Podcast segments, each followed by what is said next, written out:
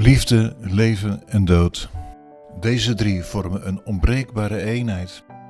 Ze zorgen ervoor dat jij en ik met elkaar verbonden zijn en blijven. Want vroeg en laat komt iedereen oog in oog te staan met geluk, plezier en met rouw. Elk jaar worden 800.000 mensen geconfronteerd met de dood van een innig geliefd mens. Je bent dus niet de enige, maar als het jouw geliefde is, dan is het een ondeelbare ervaring, even uniek en zeldzaam als jouw vingerafdruk.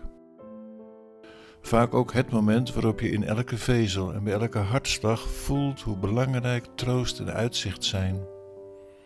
De vereniging Leven met Dood is voor velen daarbij het vertrouwde adres, waar jij kunt aankloppen met jouw verdriet, met je pijn en vragen. Ze heeft ervaren en gemotiveerde mensen in huis die jou begrijpen, die weten wat je nodig hebt. En ze kunnen je begeleiden, gidsen op jouw rouwpad. Ieder van ons krijgt op een dag te maken met de dood van. Mijn moeder, die altijd vertrouwen in mij heeft gehad. Mijn boezemvriend, die ik vanaf de basisschool elke dag zag, met wie ik speelde, met wie ik lief en leed heb gedeeld. Bijna alles. Mijn vader, die totaal onverwacht overleed. Mijn grote liefde, die plotseling op een ochtend niet meer wakker werd. Mijn vrouw van 42, die na een lange leidersweg is overleden. Mervin Zuurmond verloor tien maanden geleden na een kort ziekbed zijn vader. In een bijzonder en ontroerend gesprek vertelt hij hoe de relatie in die laatste fase zomaar veranderde in een warme band. Maar eerst leest hij de tekst van de rouwkaart. Diep bedroefd, maar intens dankbaar voor zijn goede zorgen, nemen wij in liefde afscheid van mijn geliefde papa, die ook man, opa en schoonvader was. Pieter Vuurmond, Peter. Wat betekende je vader voor jou? Ja, mijn vader was, kan ik het zeggen, een, een bijzondere man. Hij was een rustige man, erg bedachtzaam. En mijn, mijn moeder was eigenlijk de motor van het gezin en mijn vader zorgde voor de benzine. Dat is mooi gezegd. Ja, zo heb ik het altijd wel een beetje ervaren. En hoe meer ik terugkijk op zijn leven, hoe meer ik zie van... Moet je kijken wat hij allemaal gedaan heeft en wat hij ook gelaten heeft... om ons gezin ook draaiende te houden. En ja, het was in die periode ook heel logische rolverdeling tussen vader en uh, moeder eigenlijk. Maar mijn vader heeft altijd gewoon 40 uur gewerkt. Een baan gehad waar hij het eigenlijk niet heel erg naar zijn zin had. Kon je dat merken? Dat, dat hij... Ja. Waaraan? Ja, nou ja, met name aan de manier hoe hij hoe die thuis kwam en, uh, en hoe hij naar zijn werk ging. En ja, en zijn sociale leven was ook vrij beperkt. Hij had niet echt vrienden waarvan ik kon zien van nou, daar gaat hij naartoe om eens eventjes een goed gesprek te hebben. Kon je merken dat hij van je heeft gehouden? Ja, dat vond ik best lastig. Ja, ja. En ik weet dat een vader van zijn zoon houdt, maar dat is puur rationeel. Maar om nou te zeggen dat ik echt het gevoel heb gehad van. Uh, jij voelt ook echt liefde voor mij en je laat dat blijken. Ik heb echt die arm om me heen, die aanraking, die uh, gesprekken op een dieper niveau dan alleen functioneel, heb ik echt gemist bij hem. En dat spiegelde ik dan ook wel eens in, in mijn jeugd. Eh, ik denk dat de middelbare schoolleeftijd wel was aan hoe dat in andere gezinnen ging. Dat uh, vader gewoon even een dikke knuffel geeft, weet je wel. Of uh, dat je ook gewoon iemand kan omhelzen. En, en daar was ik jaloers op. Hoe groot is dat verdriet? Dat van dat gemis, van dat stukje. Dat doet me wel veel. Ja. Ik, ja, ik denk dat ik dat echt wel uh, juist omdat je dat mist, ga je dat stukje uitvergroten en mis je het nog erger eigenlijk. Maar mijn moeder was altijd iemand die dat compenseerde, compenseert. En ik heb het met mijn vader er ook over gehad toen, in de laatste periode, toen we wisten dat het eigenlijk uh, aflopende zaak was, heb ik hem daarmee geconfronteerd. En toen zei hij ook tegen mij, ja, je moeder die ving dat allemaal op. Dus wat moest ik nog doen? Was dat onmacht van hem? Nou Om te ja. laten voelen dat hij van je houdt? Of dat Ja. hij zijn liefde kon tonen, Ja. zijn warmte? Ja, ja, ja. Dat was heel duidelijk te zien toen ik hem dat vroeg. Hoe, hoe Toen, zag je dat? toen zag ik echt aan hem van, ik weet dit. Ik weet dat je dit gemist hebt, maar ik kon het niet. Het zat niet in hem. Hij, hij- ja. Ja, dat, is, was echt wel, dat was wel te zien. En dat heeft hij ook geprobeerd goed te maken, zeg maar, in de, in de periode eh, richting zijn dood. En hoe heeft hij dat goed gemaakt dan? Ja, ik zeg niet dat hij het helemaal goed heeft gemaakt voor mij, maar hij heeft wel, hij heeft wel echt voor. eh, eh, ehm, op het moment dat ik binnenkwam, want ik ging eigenlijk dagelijks langs, dan ging ik naar hem toe en toen kreeg ik een dikke knuffel. Toch? Toch? Ja. En dat voelde echt goed. Dat voelde ook echt gemeend van hem. En als ik weer wegging, eh, deden we hetzelfde. En dan krijg je soms een fluister in je oor. Eh, zo van, eh, ik hou van je. Dat is wel bijzonder dat hij dus op zijn, late, Ja. eh, op zijn laatste dagen, zijn laatste weken, Ja. dat hij nog die liefde kon tonen aan jou. Ja.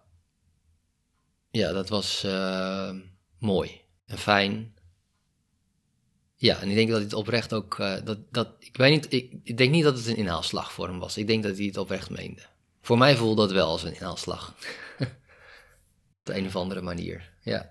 En Mervin, wat is er daarna veranderd na zijn afscheid? Wat, hoe ben je daarmee omgegaan? Dat je zegt van ik heb mijn vader verloren die eigenlijk nooit de warmte kon geven die hij wel voelde. Maar toen hij overleden was, dat je ineens hem ging missen. Op welk niveau, op welke manier? Ja, dat is, dat is best lastig. Ik heb daar inderdaad wel iets over, zo over zitten denken van, ja, wat... Mijn vader was er altijd, maar hij was er ook niet. Dus hij was altijd op de achtergrond. En ik, ik denk dat het een soort onderbewustzijn is van, er mist daar iemand, die er altijd is geweest. Maar om daar echt heel duidelijk de vinger op te leggen, vind ik heel erg lastig. Want ehm, Juist omdat hij altijd zo eh, op de achtergrond was. Maar ik denk dat hij zijn, zijn, zijn kwinkslagen wel mis. Zijn, zijn, zijn, zijn, zijn opmerkingen op het moment eh, dat hij vond dat er iets gezegd eh, moest worden. Want dat waren de spaarzame momenten dat hij wel naar voren trad. Maar dat was dan En- in de vorm en- van humor en een kwinkslag. Ja, ja, ja, ja. Maar nu klinkt het alsof je bijna geen verdriet hebt gehad. Ja, maar dat is dus niet zo. En aan de andere kant, het, is bijna zo alsof ik hem deze vorm van afscheid heb gegund. Hij heeft altijd het erg zwaar gehad met het leven. Het was iemand die overal, ja, het glas was best wel vaak half leeg. Hij heeft het moeilijk gehad om, om zich door het leven te slaan. Hij was altijd angstig. Op het moment dat er iets met hem mankeerde, was hij, was hij echt als de dood. En dat merkte hij ook in zijn gedrag. Nou, hij, hij is, hij is op een gegeven moment eh, heeft hij een oogmelanoom eh gekregen. Dat is twee jaar geleden. Daar heeft hij erg mee eh gestruggeld. En toen had hij al volgens mij een beetje het gevoel van... nou, dit zal wel eens het begin van het einde kunnen zijn. Ik merk dat hij zich sindsdien en daarvoor ook al erg heeft teruggetrokken. Maar kon je dan nooit iets voor hem betekenen? Nou, ik, ik vond het zelf ook lastig, die wederkerigheid. Die, die, dus eh, het moment dat je merkt dat iemand relatief weinig affectie toont in een vorm waar ik het op gemist heb, eh, richting jou. Ik vond het ook een enorme drempel om het richting hem te doen. Dat is toch een soort tragiek. Ja, ja, klopt. Ja. En als ik dan terugvraag aan jou van waarom ben je dan nu toch een soort van verdrietig? Want dat, je zegt ik ben wel verdrietig, maar op welk niveau dan?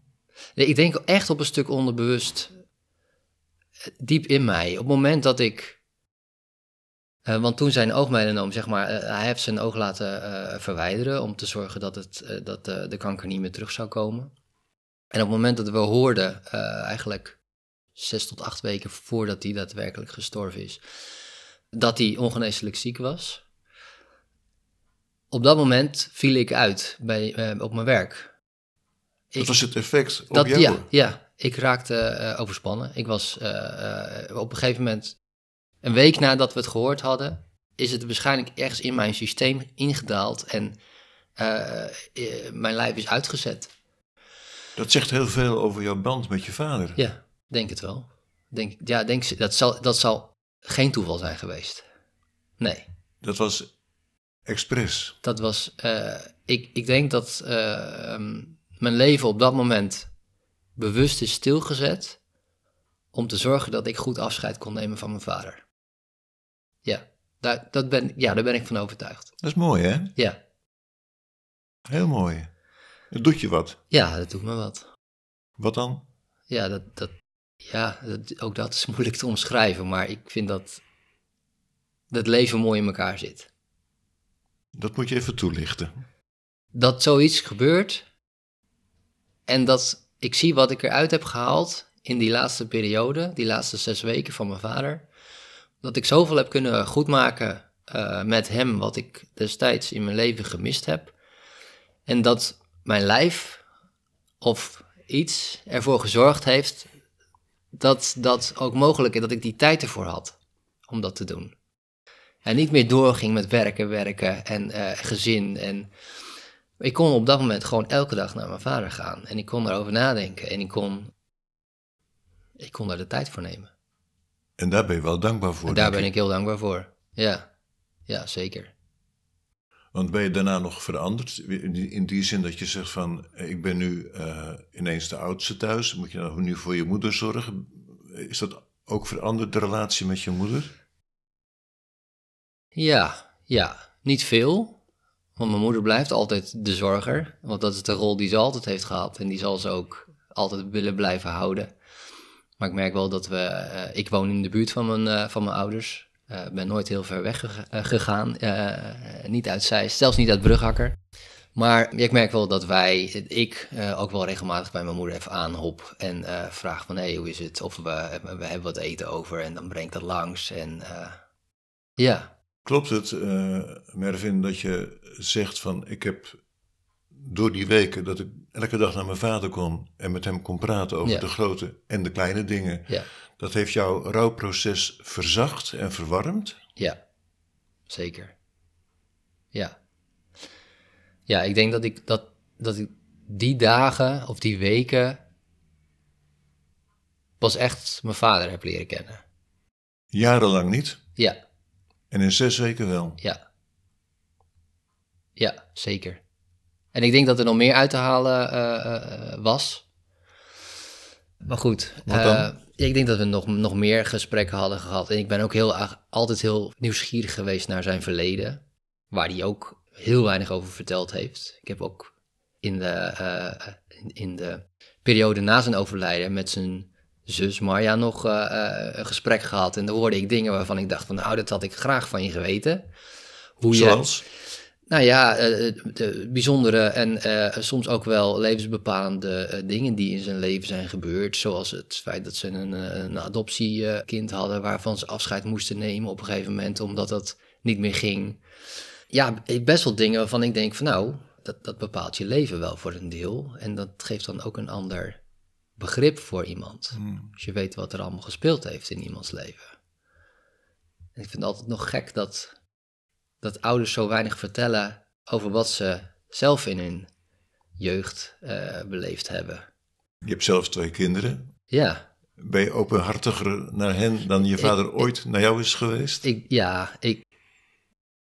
Ja, als je me van mij zou. ik- eigenlijk is het, is het het negatieve het positieve geworden. Van alles wat ik bij mijn vader. En ik denk dat veel mensen dat doen hoor. Je spiegelt dat natuurlijk. Van alles wat ik bij eh, mijn vader gemist heb.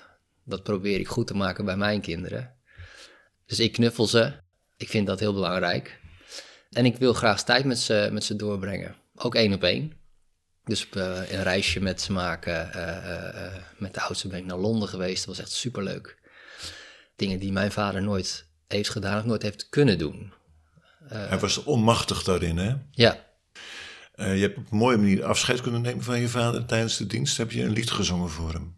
ja. Wil je daar een tekst uit voorlezen?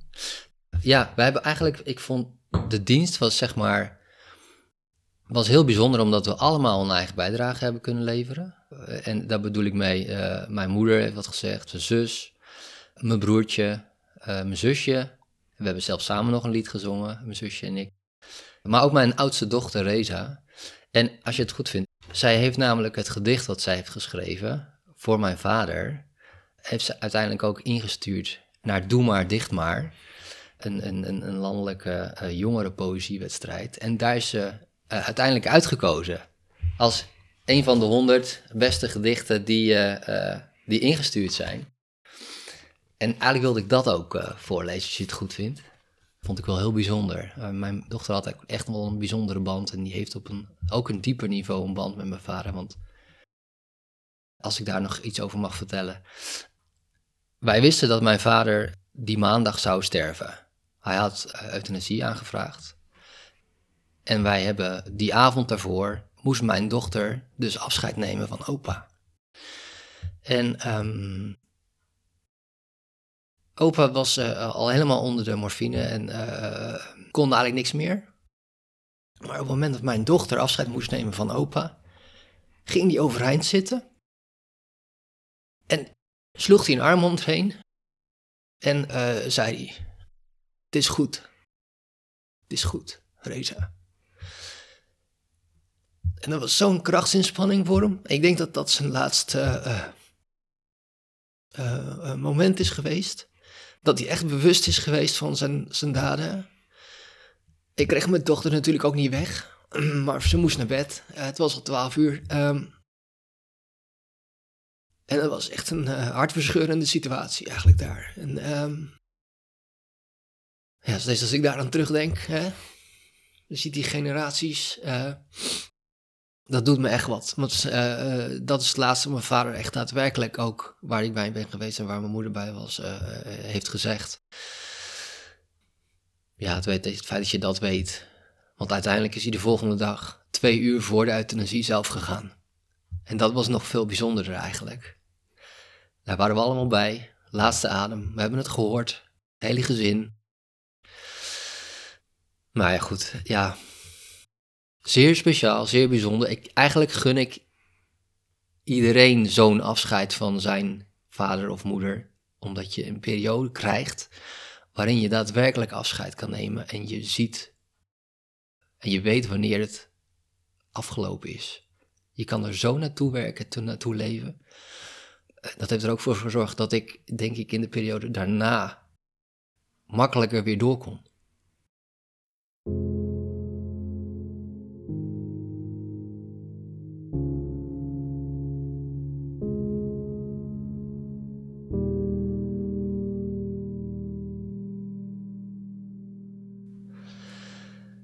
Reza heeft er dus ook een gedicht uh, voorgelezen. Uh, hoop is overal. Hoop verschuilt zich overal, in glimlachende mensen op straat, in kleurrijke kunstwerken, in zonnige zomerdagen. Het verschuilt zich ook waar je het niet snel zou vinden, totdat je er naar zoekt, in verdriet en boosheid, in koude, slapeloze nachten, in momenten die zo duister zijn dat je geen hand voor ogen ziet. Omdat hoop geen simpele blijdschap is. Hoop is het vertrouwen dat ondanks alles het leven weer liefdevol kan zijn. Prachtig. Ja, dat is zo bijzonder voor een meisje van 14. Dus ja. Aan het eind van de dienst hebben de groep de volle zaal nog aan het lachen gekregen. Met, ja, ja. met hoe ze jouw vader kunnen eren of herinneren. Ja, ja, dat klopt, ja. Ja, ik had heel erg getwijfeld, moet ik dat nou wel of niet doen? Want aan de ene kant denk je jezelf, ja, gaat toch wel eventjes over je vader en de setting. Maar het ging over de, uh, de kunst van het laten van een scheet. Die mijn vader uh, als geen ander beheerste. Hij kon hem echt flink laten klinken. En dat was op het moment dat hij vaak thuis kwam in het klompenhok, zoals we dat noemden. Mijn zusje herinnert zich dat nog heel goed. En ik ook. Want dan was hij er weer. Dan klonk er weer een... Uh, een mooie kanonskogel door de, uh, door de kamer. En ook mijn, uh, mijn kinderen die herinnerden zich dat nog heel goed. Want het was op een feestje en dat mijn vader dat dan ook deed. En dan moesten ze kaart om lachen allemaal. Uh, dus ik heb dat aan de mensen die, dus, die dus kwamen, heb ik dat ook verteld. Toen ik in het begin achter de piano ging zitten. En ik heb de mensen eigenlijk ook gevraagd om bij de, de komende scheten die ze zelf zouden moeten laten in de week na de uitvaart ze dan heel eventjes aan mijn vader zouden willen denken. Geweldig. Wat Ja. een mooi verhaal. Ja. Toen brak het ijs. Ja, ja, dat klopt. Ik zag iedereen wel eventjes verschuiven en verzitten. En de, de sfeer werd in één keer heel anders, inderdaad. Eh, ja. Ik ben achteraf wel blij dat, eh, dat het op die manier ook gewoon, dat dat ook kan. Ja, ja. Ondanks dat het zo'n beladen setting is waar je vaak in zit. Ja, Ik dank je wel Ja. voor je mooie verhaal. ja jij ook bedankt, Kees. Ja.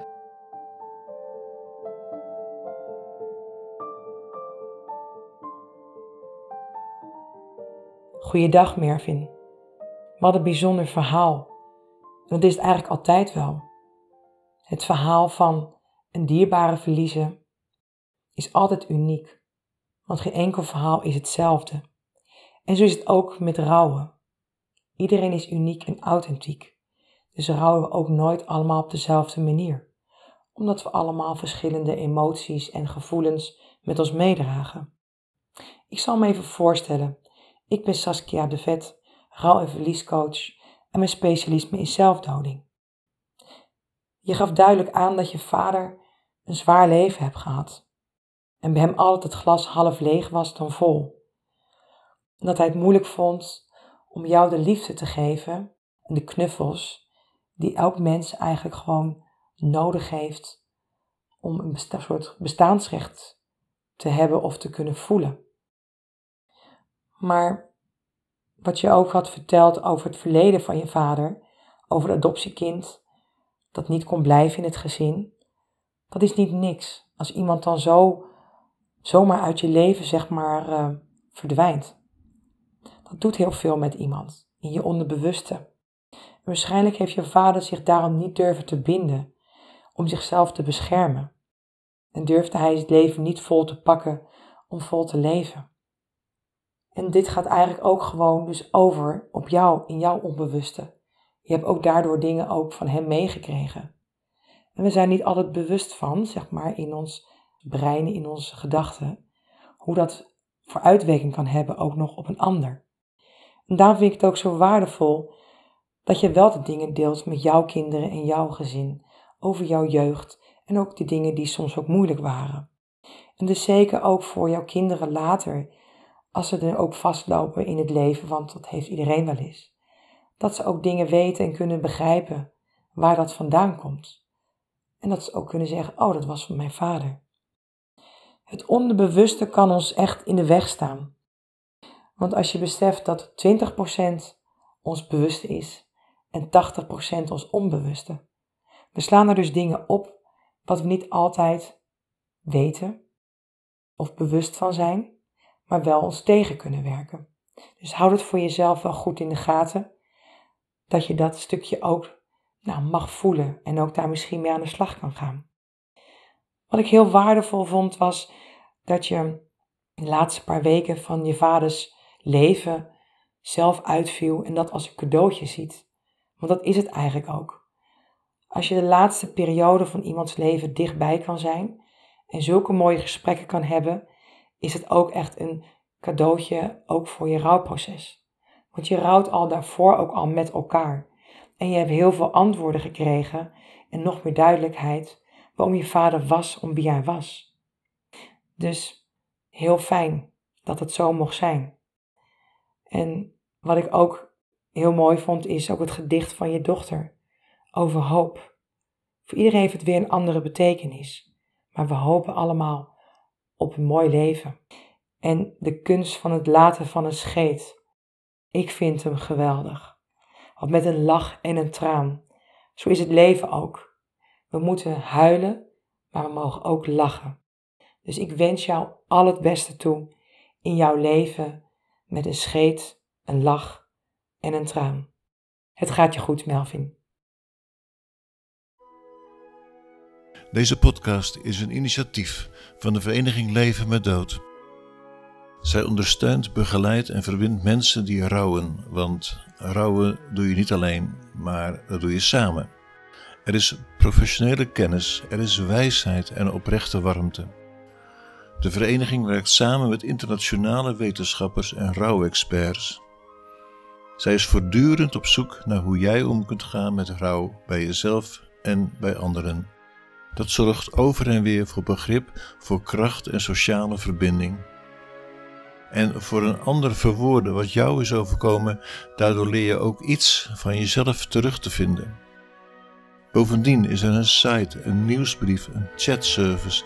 En als jij jouw verhaal wil vertellen, kun je nu contact opnemen met 085 4014 250.